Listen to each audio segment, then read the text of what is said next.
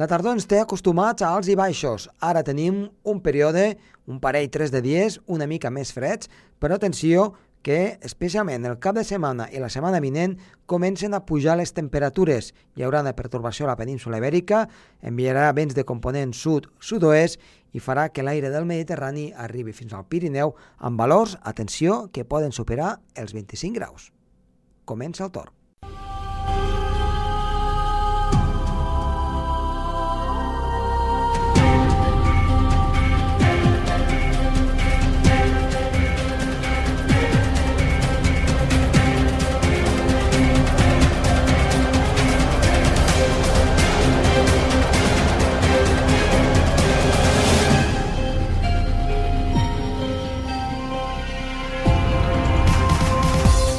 Molt bona tarda, moltes gràcies per estar una vegada més amb tots nosaltres, ja sigui des del seu transistor, al vehicle o des de qualsevol lloc del món per internet. Avui parlarem amb el senyor Gerard Tauler, que com sempre ens porta doncs, alguna altra notícia de meteorologia, alguna efemèride, alguna anècdota meteorològica. I parlarem amb Luis López, que ens portarà la seva experiència als Estats Units en un congrés de neu que és super interessant i a més a més ens fa obrir una mica els ulls de com funcionen a l'altre costat de l'oceà.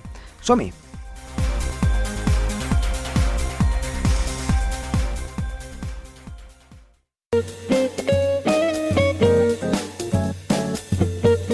Iniciem el programa amb Gerard Tauler. Gerard, molt bona tarda. Hola, molt bona tarda, Josep Tomàs. Com anem? Ha plogut força? Hi ha hagut pertorbacions que sí, ens han visitat? 56 litres a Sarrià de Ter. 56 litres amb... amb en 3 dies, sí. eh, pertorbació que ha estat, eh, doncs fins i tot ha deixat una mica de neu el que és eh, Al Pirineu. el Pirineu una mica, ha enfarinat una mica, però vaja, i la, la tardor ja la tenim aquí. Doncs a veure, explica'ns una mica doncs, com ha anat tot això i, Sí, i com va es ser una borrasca que va venir de l'Atlàntic amb un front fred associat i davant tenia vent de xaloc. Mhm. El contrast de, de, de l'aire calent que hi ha eh, que, que, a, a superfície, que enviava el vent de xaloc i l'aigua del mar tan calenta amb l'aire fred en alçada, la borrasca, ens va donar aquestes pluges tan fortes, sobretot al Maresme, que van caure 257 litres en 24 hores de Vilassar de Mar, i va haver-hi rècord de pluja en mitja hora, 85 litres a Cabrils, en, en, 20, en 21 anys. És la, la pluja més forta que es té constància en l'Observatori de, del Servei Meteorològic de Catalunya en, en, en aquests 21 anys. Mhm. Em, En 30 minuts. el motiu de que es donguin aquestes precipitacions tan fortes um, justament aquí doncs, en aquesta àrea del Maresme, té alguna explicació? Doncs és per, per, per, pel vent de xaloc que incideix perpendicularment a, a, la, a la serralada del li, litoral, que, l'obliga a aixecar la massa d'aire al vent molt ràpidament, Mhm. fa, fa que els cumulonimbus s'inflin doncs, de, de, davant de, de, del litoral, molt a prop de la costa.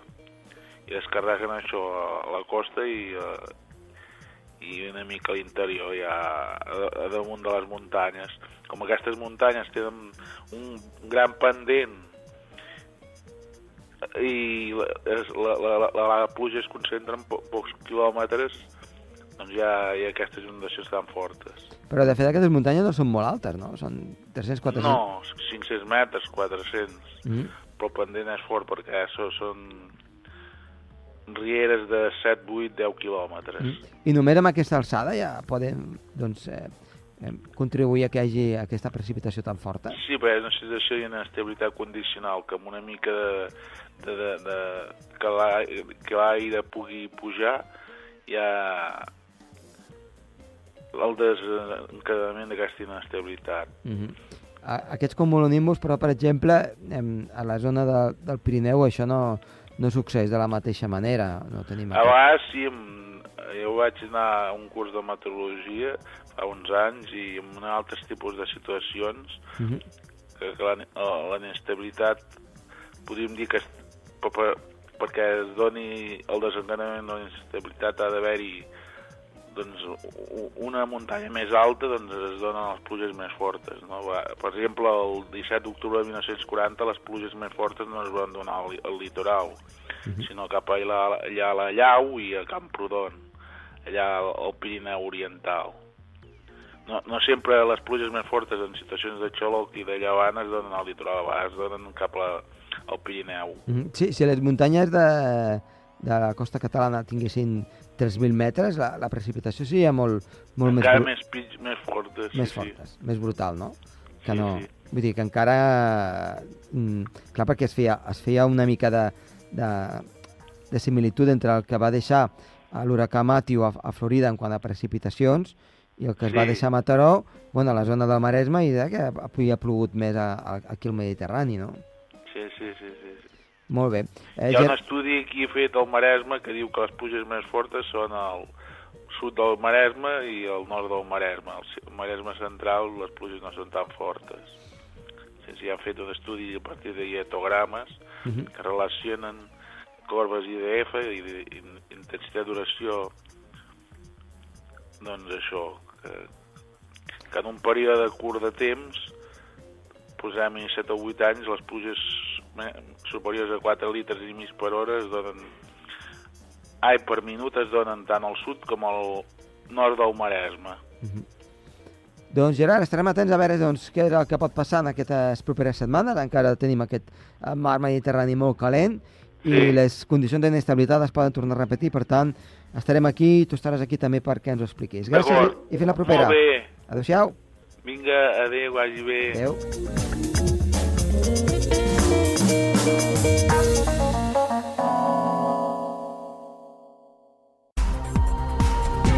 El Torn, amb Josep Tomàs.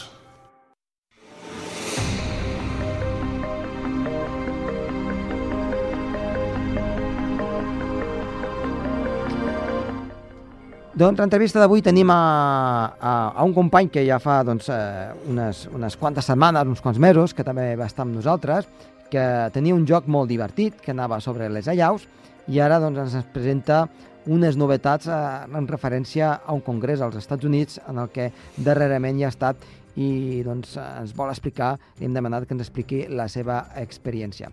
Lluís López, benvingut de nou. Oh, gràcies, bon dia. Eh, com, com ha anat aquesta experiència als Estats Units eh, presentant una mica doncs, el, el, el teu joc de, de les allaus, eh, el risc i l'avango? Sí. Eh, quina, quina ha estat l'acceptació i si ens pots explicar una mica també doncs, eh, de què es tracta, com va aquest, eh, aquest congrés que tracta en general sobre la neu, no? Sí. Bueno, en primer lloc, eh, comento de que, de que el congrés és un congrés internacional sobre ciències de la neu i també he de dir que era la meva primera experiència, amb la qual cosa, doncs, bueno, vas a...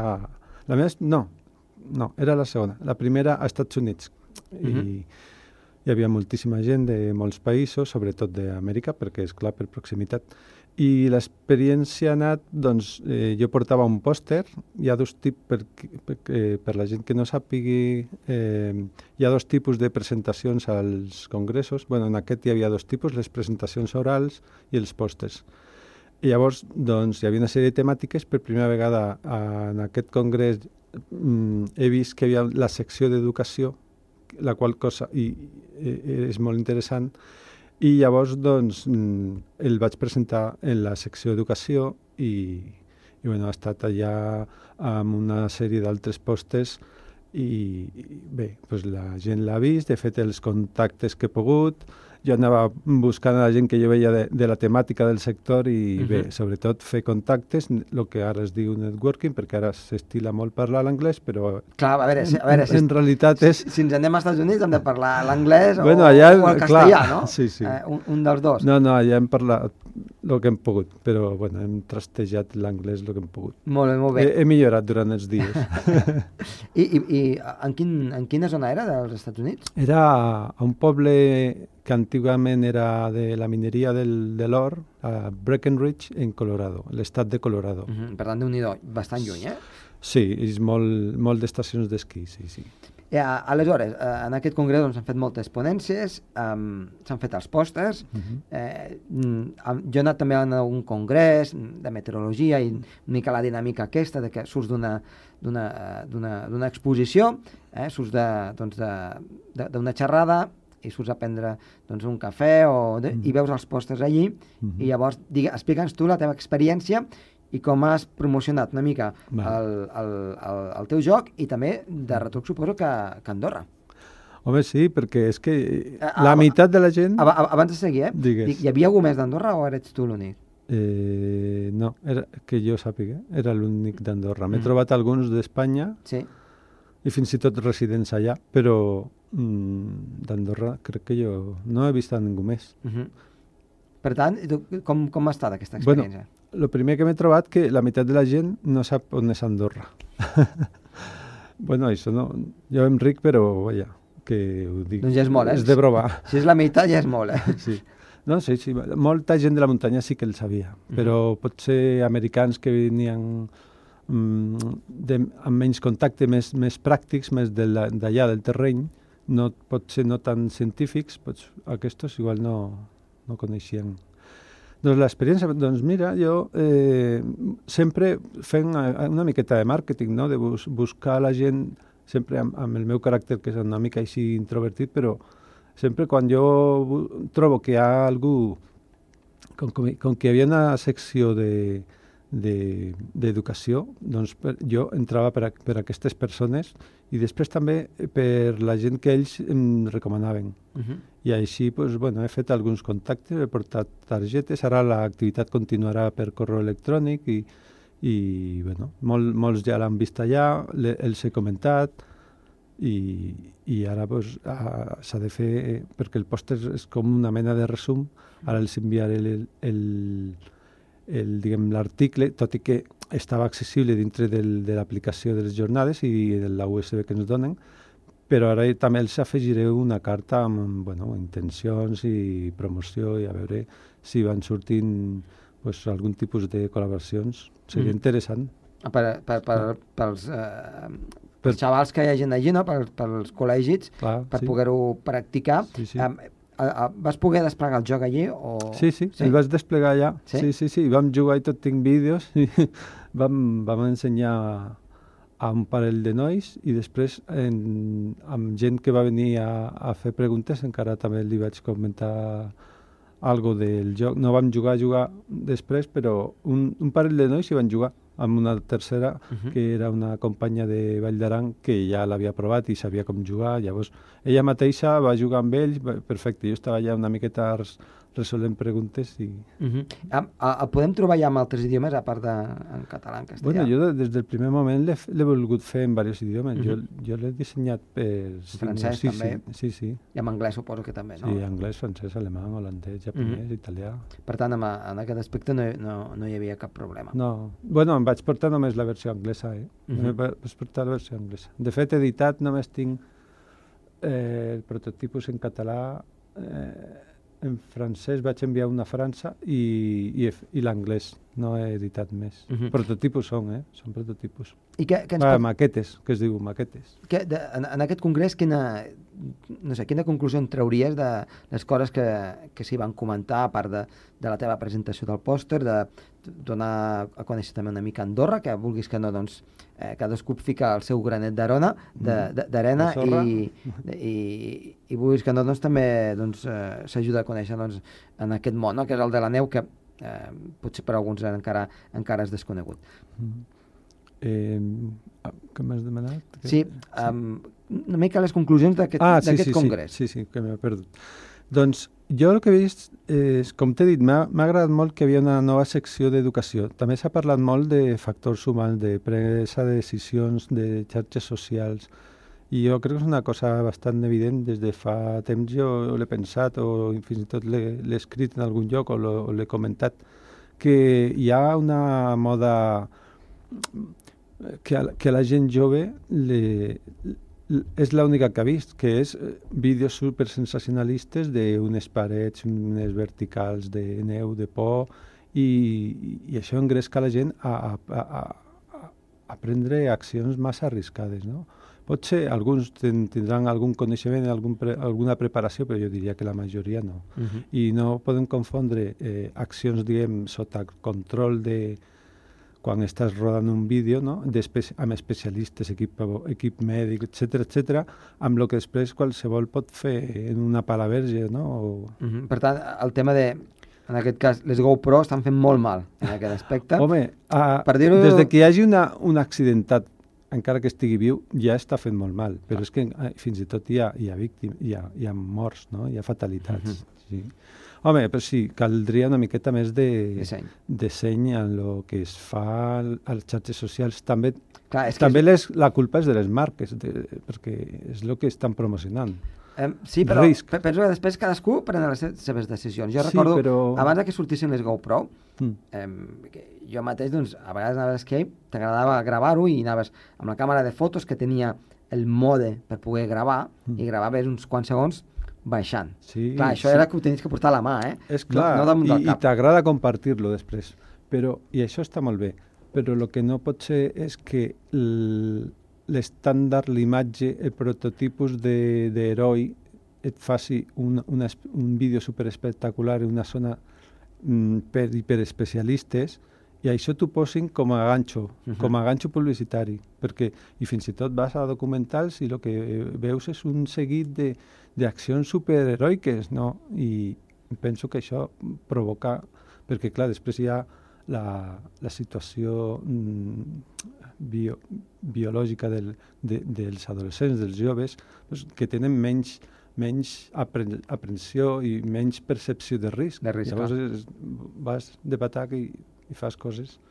bueno, també hem vist... Eh, també hem vist, aquest, fins i tot aquesta temporada passada, eh, accidents provocats per mestres, amb, amb canalla. Llavors, mm. llavors dius, bueno, és que falta una miqueta sí, però, de consciència. Clar, aquí, aquí és una mica...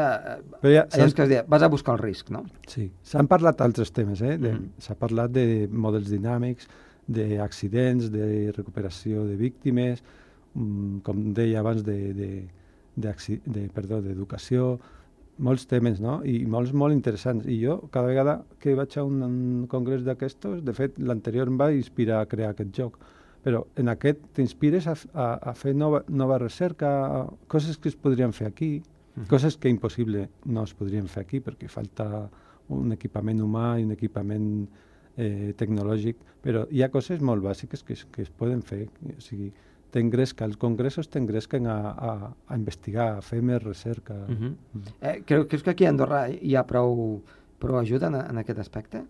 Ajuda. De les persones com tu, que, doncs, que són uh, innovadors, home, engrescadors... Home, jo, jo crec que el Departament de Recerca ha fet un, un impuls no, últimament. De fet, ja fa uns anys ens han fet eh, reunions perquè ens coneixem entre distints eh, investigadors de distintes branques i s'ha fet promoció amb, amb beques de mobilitat i em sembla que estan fent, tam, també estan donant d'altres, no?, de postgrau i tal. Jo crec que s'incentiva.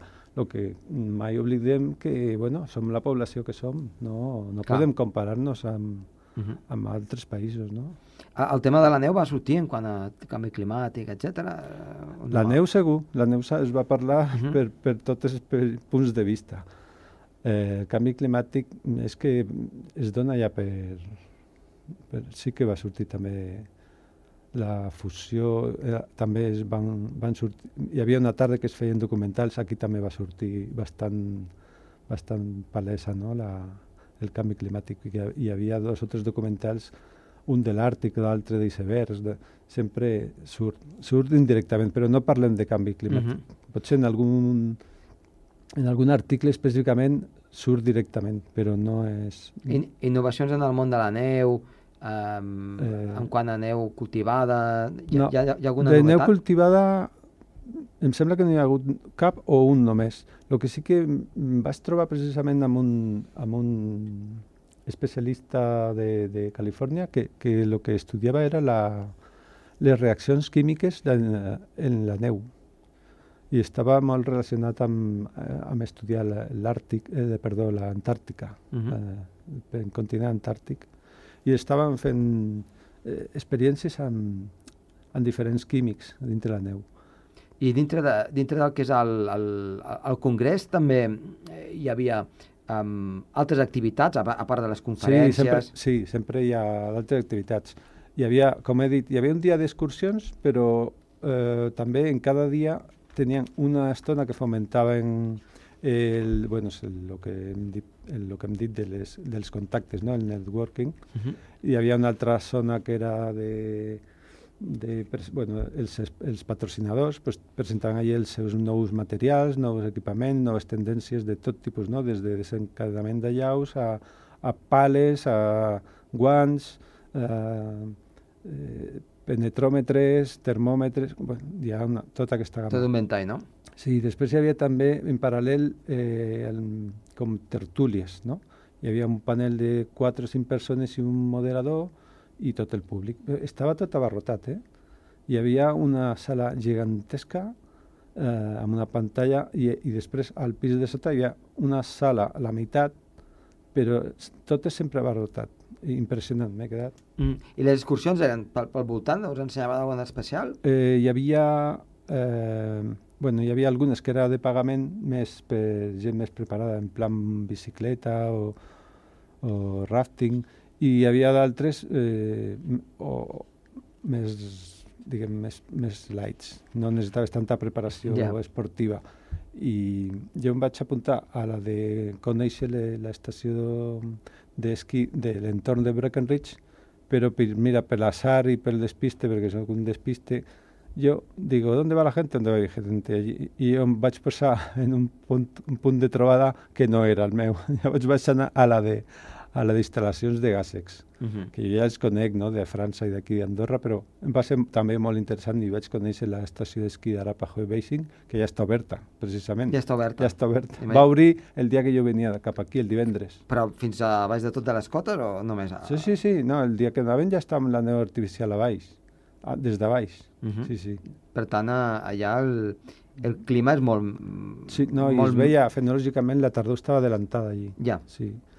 I, vam, i vaig pujar a la part més alta, el, que, el primer tros el, el vam fer amb telecadira i el següent el vam fer caminant, i em van dir que hi havia 3.600 a, a la, al pic, a la part alta. De l'estació. Que, que la carena que el que fa és unir un, una part de l'estació amb l'altra. Sí allà de, deien que hi havia 3.600 i a baix, pues, no sé, igual hauria 2.000 i algo. Uh -huh. Ja tenien neu artificial ah, i ja agafava, ja em deien, jo perquè vaig parlar ja amb la gent de l'estació i, i em van dir, no, no, ja obrim divendres. déu nhi Sí, sí. I per tant, eh, aquí deuen tancar també super, super tard, al juny. Sí, sí, em van dir que tanquen a meitat de juny. A uh -huh. meitat de juny. De fet, el dijous va nevar. El dijous ja estava, allò ho tindrien... Ja Igual no estava en òptimes condicions, mm. mig metre de neu, però ja, ja els hi feia per obrir. Doncs esperem que, Lluís, hagi estat això, aquesta una bona experiència, que, que et truquin molt per, per, per demanar doncs, uh, doncs el joc i que doncs, continuen, continuïs endavant amb aquesta promoció del, del teu joc i que ja està començant a ser conegut no tan sols a Europa, sinó també, en aquest cas, als Estats Units. Moltes gràcies i fins la propera. Gràcies a vosaltres. Adéu. Adéu.